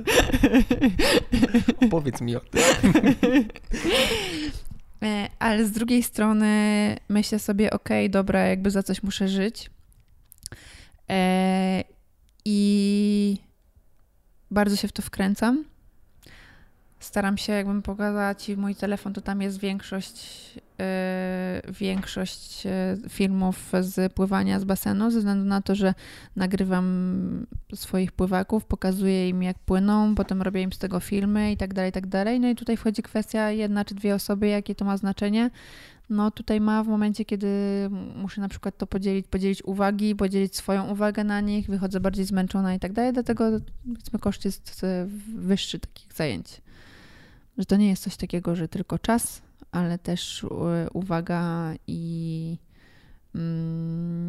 no i taka jakby myślenie nad daną osobą, która, no dodatkową osobą, e, nad którą ja zwykle myślę też i wychodząc z basenu i myślę sobie, no dobra, a co zrobimy następnym razem, temu dam to, jakby analizuję każdy, każdy taki przypadek, no ale no, ja tak robię. Dobra, mówiąc o następnych razach i kończąc w ogóle rozmowę, yy, jaki będzie następny piękny basen, jaki odwiedzisz? Ojeju. Bo w ogóle yy, przedstawiając Cię, mówiłem o tej kolekcjonerce strojów kąpielowych, ale śledząc Ciebie widzę, że mm, kolekcjonerka też tych chwil na różnych dziwnych obiektach. Dziwnych w sensie nie, nie mówimy tutaj, znaczy nie mówię o basenach pływackich, tylko basen tam, nie wiem, wystający z wieżowca, takie pewnie znane zdjęcia widzieliście, albo basen z widokiem na Alpy, na tak, jakieś tam tak. górki. Mm, jakie najfajniejsze miejsce było, jeśli chodzi o te wodne obszary, w którym byłaś już, które już zaliczyłaś? Zdjęcia, których zdjęć nie mam stamtąd najlepszych, ale mimo wszystko jeden z Olać moich zdjęcia. moich najlepszych basenów, na którym byłam, jakby moich ukochanych, to jest Marina Bay Sands w Singapurze i pływanie film się dzisiaj nie wyświetlał, jak byłeś na basenie, ale tam leci taka, powiedzmy, że reklama, która jest właśnie jakby stam, stamtąd, są, stamtąd są ujęcia. To jest coś wysoko? Tak, to jest 50, na budynku? Tak, 57 okay. piętro. To chyba takie znane Tak, tak, miejsce. bardzo. Mhm. 57 piętro i basen tak na samym, takie trzy wieże jakby. Mhm, mhm, mhm. e, tam akurat jak byłam, była bardzo słaba pogoda były chmury, ale pamiętam po prostu jak dzisiaj ja zawsze mówię, że ja nie pływam na co dzień, ale pływam w wyjątkowych basenach i to z przyjemnością. Może być, nie wiem, najzimniejsza woda, może być minut 10, nie ma to dla mnie znaczenia. Tam pamiętam po prostu jak nabieram wdech i widzę te wszystkie wieżowce, chmury i tak dalej. I to jest dla mnie taki moment wyjątkowy, kiedy mogę się cieszyć tym pływaniem, tym bardziej. E, mieć z tego mega fan, pasję i myśleć sobie, wow, dzięki temu, że mam tą umiejętność, to mogę sobie patrzeć na te wieżowce w taki sposób. Ale to jest taki fajny w ogóle bucket list, nie? Że, tak, tak. Cel jakby podróżniczy, ale że to są. Tak, to weryfikuje w ogóle całe moje życie, baseny. bo mm, teraz na przykład bardzo bym chciała wyjechać, e, zadać pytanie, gdzie następny. Mam parę jakby pomysłów, w tym jak wróciłyśmy z ostatniej wyprawy, to mm, odezwał się do nas hotel w Nikaragui. Mhm który zaprosił nas na wyjazd. I to jest coś, co zawsze chciałam. Na zasadzie miałam takie marzenie właśnie, że dobra, na początku będę sama zwiedzać, potem one, oni będą mnie zapraszać. Nagle to się wydarzyło, e, więc to mnie tak podbudowało, że naprawdę jakby można, trzeba, trzeba wierzyć, pracować i tak dalej. Mhm. E, mimo wszystko chciałabym to złożyć tak, żeby jeszcze zahaczyć o Stany, jeżeli już będę w tamtych rejonach. Ale to wszystko może się zmienić i może być to w ogóle drugi koniec świata jeszcze inaczej. E, mam nadzieję, najchętniej bym wyjechała dzisiaj, teraz i tak dalej i tylko spakowała to, co nie, jest tam za tobą. widzę jest. chyba, chyba nie rozpakowana. Okej, okay, Singapur był najfajniejszy, a z miejsc, gdzie, których nie odwiedziłaś, co byś mogła powiedzieć, że takie och, ach jest najbardziej i z jakiego powodu? Bo to nie musi być, nie wiem, jakiś super widok, ale może jakieś wspomnienie, nie wiem, może Phelps tam pływał albo coś takiego. Jakbyś odwiedził, powiedzmy, że moją łazienkę, to tam są napisane marzenia i tam jest spotkanie z Phelpsem wypisane, to kiedyś zrealizuję. Eee, ale z takich basenów, które są, które mi przychodzą najbardziej do głowy, to Fidżi. Na co tam jest? Tam jest, e, e, to się nazywa Laukala Island. I to jest taki basen przez środek, taki wystający no, z palmami. Piękny, trzeba zobaczyć. Drugi to jest e, Fairmont na Malediwach. Zdjęcie, które mm, moi followersi już wiedzą teraz, że ja odwiedzam baseny, więc bardzo często dostaję akurat to zdjęcie, bo to jest taki wow, znalazłem super basen, na pewno będzie. Ja nagle Dostaję już to 40 raz. Ok, dzięki. Widziałam już o tym rok temu. E, mało jest osób, które mnie zaskoczą. E, trzeci to są Seszele i taki basen, który jest e, w tak jakbyśmy tutaj mieli na suficie i jest basen i tam ktoś płynie i można zrobić super zdjęcie. Następnym jest basen, który jest mało znany i to jest taki dom we Francji. In the middle of nowhere. Basen, z którego, do, do którego skaczesz sobie w ogóle z dachu i będąc tak jakby w domu, patrzysz sobie tak jakby na takie wielkie akwarium i akurat ktoś tam sobie płynie. Aha, chyba widziałem gdzieś to u ciebie w Możliwe. niedawnej przeszłości. Możliwe, to było... E... To jest chyba na Airbnb jakiś dom w ogóle. Hmm. Tak. A to miejsce, w którym ostatnio byłaś, chyba ostatnio, mhm. e... co to było? Byłyśmy to była w... też Europa gdzieś, nie? Tak, Europa. Byliśmy w dwóch miejscach. E, a w ogóle miałyśmy kupione bilety zupełnie gdzie indziej. Jolo. Jak przyjechałyśmy na lotnisko, to się okazało, że mamy tak naprawdę dwa wyloty prawie o tej samej godzinie, różniło nas 10 minut. Była Malaga i Mediolan. E, do Malagi nie poleciałyśmy dlatego, że w całej Hiszpanii w tym czasie nie byłam w stanie znaleźć żadnego basenu, który by mi się podobał. Przeszukałam całą listę. Jak żyć? całą listę i naprawdę nie było nic takiego, co by było takie wow, jedziemy tam. E, więc stwierdziłam, dobra, realizujemy moje marzenie stare, Malaga odpada, Mediolan, pojechałyśmy do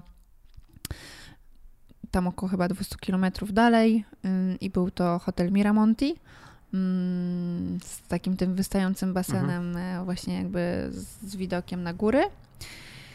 E, I tam pewnego, to było w ogóle mega miejsce. No tam nic nie zasłaniało tego widoku na tak, górę, nie? Przede tak. wszystkim. Ale stamtąd pewnego dnia, no dobra, no to co teraz? Jeszcze mamy jeden dzień, co zrobić? I nagle rano Spakować stwierdziłam. rano stwierdziłam, Marta, jedziemy do Austrii. I pojechałyśmy do Austrii i odwiedziłyśmy Aquadom. Marta, czyli fotograf. Fotograf, tak. Mhm. E, mój e, towarzysz podróży.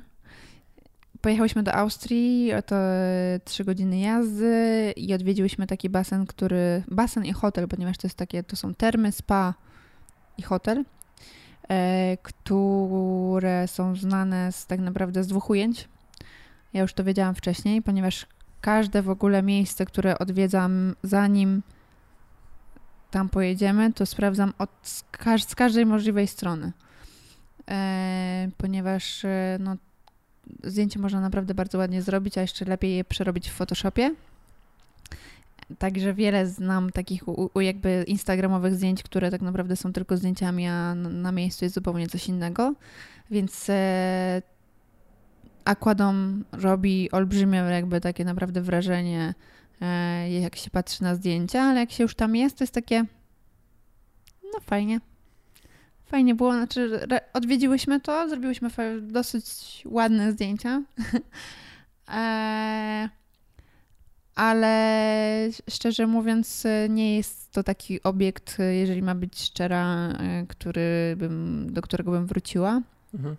Bardziej to było coś takiego, że e, ze względu na te zdjęcia, powiedzmy na Instagramie, już to, ten, ten basen dostawałam też wielokrotnie i sama jakby mówiłam, kurczę, dobra, muszę tam pojechać, żeby to odhaczyć, żeby tam być raz wystarczy, bo jest wyjątkowy ze względu na takie kopuły, które są jak UFO. Nawet chyba wczoraj, okay. czy dzisiaj, dzisiaj o tym wspominałam na Instagramie. Odcinek się za pięć miesięcy pojawi. No ale wiem, ale będzie można do tego wrócić. Mhm. E, wspominałam o tym na Instagramie, że mm, na zdjęciach wygląda to jako mega wielkie, a jak się tam pojedzie, to jest zdecydowanie mniejsze. Jest to ciekawe po prostu, żeby to zobaczyć coś innego, tak? Hmm. A propos innych rzeczy, to chyba moje, moje pierwsze, czaje, drugi raz chyba, bo dzisiaj byłem na 50 w ogóle. A pierwszy raz jak byłem na 50-metrowym basenie, rok temu w ogóle, e, w Islandii, było, nie wiem, minus 3 chyba. A no tam generalnie cała Islandia jest zasilana gejzerami, więc ta woda mhm. jest e, dosyć ciepła. E, była 50, e, nie było widać drugiego brzegu, ponieważ woda miała, ile ma 27 stopni woda, tam miała na jednym brzegu, nie wiem, z 33 może, na drugim z 40, bo tam generalnie jak się siedziało, to człowiek się roztapiał. Mm. A jeszcze wiesz, jak płyniesz i się męczysz, to jest w ogóle -hmm. tragedia. ale przez to, że powietrze było zimne, no bo to był styczeń, a woda była ciepła, więc wszystko parowało. Więc nawet jak człowiek głową wychylił jakoś tam w miarę wysoko, to i tak się nie widziało tego, co jest za 50 Mhm. metrów. Więc takie e, w ogóle sam basen brzydki i tak dalej.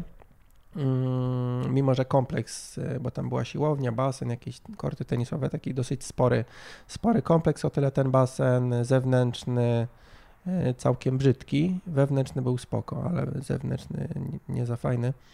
Natomiast samo to takie wrażenie, że hej, właściwie nie wiadomo dokąd płyniesz, było całkiem Infinity. wiem, śmieszne, przerażające, dziwne w każdym razie, nie?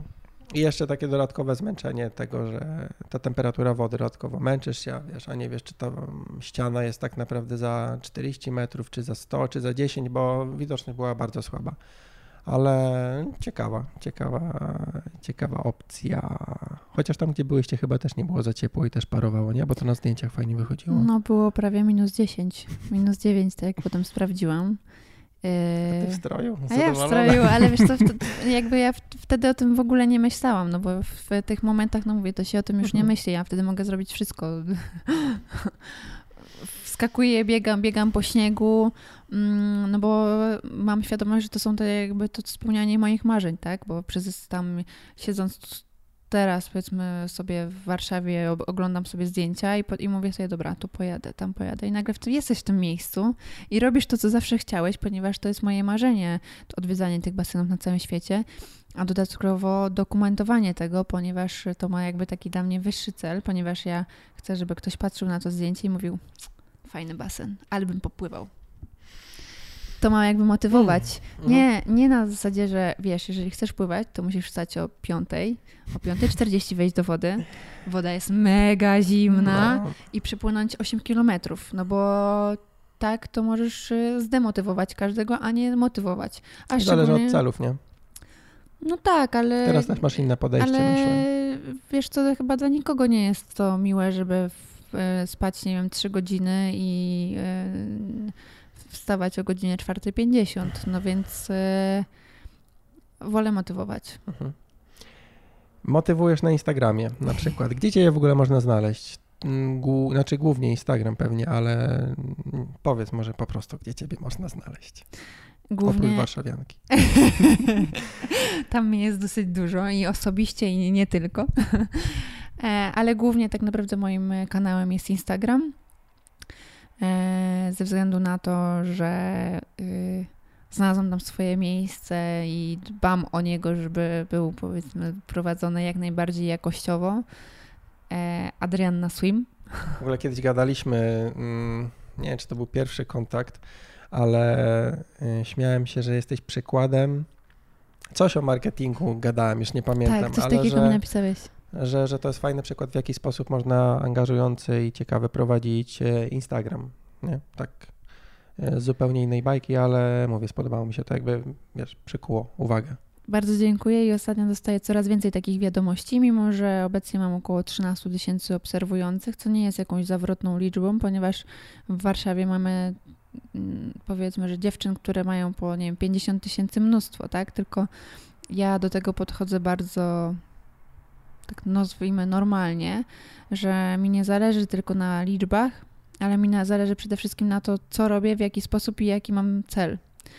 No, E, chyba kobietom jest, nie powiem, że łatwo, ale łatwiej niż facetom e, zdobyć te lajki, tylko no znowu, mm, jaka jest ich wartość, nie? No właśnie, o, no właśnie o to chodzi. Dlatego ja nawet nie podejmuję za bardzo współprac, więc też mój profil nie rozrasta się w takim szalonym tempie na zasadzie, że ja dzisiaj będę promować tą wodę, jutro tamtą, a następnego dnia krem do twarzy i tak dalej, ponieważ mi nie zależy na tym, żeby mój Instagram to był sklep albo mm, po prostu reklama wszystkiego, tylko traktuję to jako taką moją twórczość.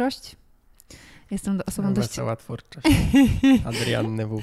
i ja jestem osobą dość kreatywną, która gdzieś tą kreatywność musi zostawić po sobie, bo inaczej jak tego nie robię, to jest ze mną źle, naprawdę. Dobra, e, jest Instagram, gdzieś jeszcze? Facebook, ale na Facebooku e, kopiuję tak naprawdę treści z Instagrama. Mhm. E, można też znaleźć mój kanał na YouTubie, gdzie są jakieś stare filmy spływania, w tym jakieś jeden, dwa filmy takie moje powiedzmy autorskie, które zmontowałam hmm. e, z wakacji promujące też pływanie, e, ale ze względu na to, że Instagram, praca i życie zajmuje mi dużo czasu, to na razie skupiam się tylko na tym. W przyszłości pojawi się też na YouTubie. Hmm. Tak. A na YouTubie można też znaleźć swój metamorfozę, tak by the way, o której zaczęliśmy rozmawiać, która o. jest to pięć minimum odcinków promujących właśnie pływanie. To było nagrane tak naprawdę przez Decathlon w pro sposób. A co do współprac, to chyba też fajna sprawa, że mm, jeśli masz jakąś markę, która chce z tobą współpracować, to chyba wtedy też nie wiem, czy łatwiej, ale no może i łatwiej, jeśli marka tego chce, umówić się na jakąś dłuższą. Znaczy w ogóle być twarzą tej marki, a nie, że właśnie zmieniać. Chociaż o tym chyba właśnie mówiłaś. Yy, bardzo mi na tym zależy. Staram Tylko się... czy marki to rozumieją jeszcze? O, z tej strony. Niektóre tak, niektóre nie, bo niektóre nie patrzą na ciebie mm, przez pryzmat tego, że cię obserwują od dawna, tylko pryzmat tego, że wchodzą na twój profil i widzą twoją relację. Akurat dzisiaj, nie wiem, jest to relacja, że jedziesz na deskorolce i... O tym nie mówiliśmy, ale już i tak za długo gadamy. I tak dalej. Jest w samochodzie, wiesz, bo Aha, jak miałam 5 minut między spotkaniami biznesowymi, to sobie jeździłam. To jest właśnie to, że staram się mieć mimo wszystko fan z życia, że tu wychodzę od księgowego, zaraz wchodzę na ważne negocjacje i wyciągam w międzyczasie sobie deskorolkę różową i jeżdżę, żeby robić coś, co lubię. Eee, współprace długofalowe. Mhm. Wolę wybrać e, świadomie daną markę i być twarzą, żeby pokazywać na zasadzie taką rzetelność, dlaczego ja wybrałam współpracę z tą marką i dlaczego jestem twarzą tego, a nie na zasadzie skakać, że y, dzisiaj promuję to, a jutro coś innego, no bo co to znaczy, że tamto poprzednie było złe? No. A mimo, że wszystko, że się mówiło, słuchaj, to jest najlepsza, nie wiem, woda, tak? A jutro, ta jest też najlepsza, no to gdzie tutaj jest zaufanie? Jasne, jasne. Staram się, żeby moje współprace wychodziły bardzo naturalnie, czyli że robię tylko takie, które, mm, do których naprawdę jestem przekonana, które jakby wychodzą bardziej ode mnie y, y, niż y, w drugą stronę. No dobra, to dzięki wielkie. Dziękuję bardzo. Dzisiaj było bardziej tak biznesowo, ale, ale tak miało być, bo chciałem samemu posłuchać tak naprawdę, jak ten rynek y, wygląda. Także wielkie dzięki za podzielenie się tym wszystkim. Dziękuję również. Następnym razem możemy poruszyć każdy inny temat sportowy bardziej. Ale nie pływacki? No możemy i o pływaniu. Dobra, dzięki. Dzięki. Bardzo, bardzo, bardzo dziękuję za odsłuchanie tego odcinka podcastu Kropka na dem. Również wielkie dzięki dla Ady, dla Adrianny, dla naszego gościa, dla mojego gościa dzisiejszej rozmowy. E, myślę, że sprawiła się znakomicie, opowiedziała o, o bardzo fajnych rzeczach, takich trochę wewnętrznych, o rzeczach superanckich, o rzeczach smutnych, o rzeczach życiowych. E, moim zdaniem bardzo, bardzo wartościowa była to rozmowa. Ze swojej strony zapraszam do wykonania trzech rzeczy. Są to rzeczy proste do zrobienia. Na pewno to potrafisz. Po pierwsze, zasubskrybuj ten podcast w iTunes. Być może go już subskrybujesz i nowe odcinki przychodzą Ci na Twój telefon na przykład, albo zegarek, albo nie wiem co jeszcze. Z automatu, ale jeśli nie, to można subskrybować podcasty, dzięki czemu żaden nowy odcinek Cię nie ominie. Mm, po drugie, zasubskrybuj mój kanał na YouTube, ponieważ poza tymi audycjami wpada tam trochę innych rzeczy, również ciekawych, również o sporcie, życiu, triatlonie, coś, coś takiego. Cały czas to wszystko się kręci wokół sportu, więc serdecznie zapraszam do subskrypcji e, kanału Iron Factory na YouTubie. Adres jest, e, skrót jakby jest ironfactory.pl łamane na YT jak YouTube. I po trzecie zapraszam do śledzenia mojego profilu na Instagramie. Moja ksywka na Instagramie to Nurek. Akurat, no cóż, taka była lata temu i taka została, przynajmniej póki co taka jest. Więc zapraszam do śledzenia na Instagramie Nurek i tam się pojawiają z kolei rzeczy, które na światło dzienne, jako na przykład podcast albo coś takiego, wychodzą czasami po paru dniach, czasami po paru tygodniach, a czasami po paru miesiącach wręcz różne projekty mm, się kończą na tyle, żeby pokazać je ogółowi ludzi, więc y, myślę, że jakaś tam może to być ciekawostka, co teraz się mm, dzieje w ogóle, jeśli chodzi o moją radosną twórczość. Jako zadanie dodatkowe, jeśli ktoś by chciał, oczywiście zapraszam do wystawiania recenzji, ponieważ to się bardzo rzadko w ogóle pojawia, ale z kolei w iTunes, nie wiem czy wiecie, możecie wystawiać recenzje swoim ulubionym albo nawet i nieulubionym, generalnie każdym podcastom. Więc jeśli ktoś chciałby napisać jakieś słowo, tam można też od jednej do pięciu gwiazdek zaznaczyć. Jak ktoś by chciał na przykład ileś pięć gwiazdek mi dać, to zapraszam. Również można jakąś słowną recenzję e, opowiedzieć, e, napisać, tak. To jak najbardziej zapraszam również do tego. To generalnie w jakiś sposób algorytmy iTunes wtedy działają i być może ktoś inny się dowie, jeszcze ktoś nowy o tym podcaście, co serdecznie, za co serdecznie dziękuję i co bardzo mi pomoże w propagowaniu dobrego słowa o triatlonie. Tak. A drugie z zadań dodatkowych to ewentualnie możecie polubić mój profil na Facebooku, czyli ironfactory.pl na Facebooku. A co pojawi się za dwa tygodnie? Mój miły lub moja miła.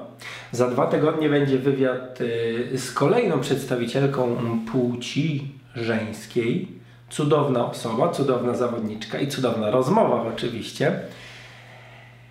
Ponieważ w cudowny sposób, je nie, żeby ja, nie żebym ja zadawał pytania cudowne, ale fajna rozmowa o sporcie z tego mm, levelu, że tak powiem, najwyższego, jeśli chodzi o Polskę i nie tylko. A zawodniczką będzie triatlonistka, a jej imię to Roxana. I mam nadzieję, że każdy z Was wie o kim mowa, bo jeśli nie, to się przeuczcie i się dowiedzcie. Tak, więc za dwa tygodnie gościem będzie Roxana i będziemy rozmawiać, jak to w kropce, w kropce bywa, o życiu. O życiu będzie rozmowa. O życiu takim ogólnie o życiu. Można powiedzieć, że o życiu sportowca. Tak, myślę, że o życiu sportowca ale też o blaskach i cieniach. Aczkolwiek w tej rozmowie chyba jednak więcej będzie blasku niż, e, niż cieni. No i rozmowa będzie oczywiście, do czego Was przyzwyczaiłem, bardzo fajna, ponieważ goście w kropce nad M są bardzo fajni i dzięki nim ten podcast jest bardzo fajny. A ci, co oglądają na YouTubie, mogą o tutaj na przykład zobaczyć klatkę tej rozmowy. I tylko tyle Wam na dzień dzisiejszy pokażę. I zaproszę Was do kropeczki za dwa tygodnie. I tyle. Buziaczki. Nara.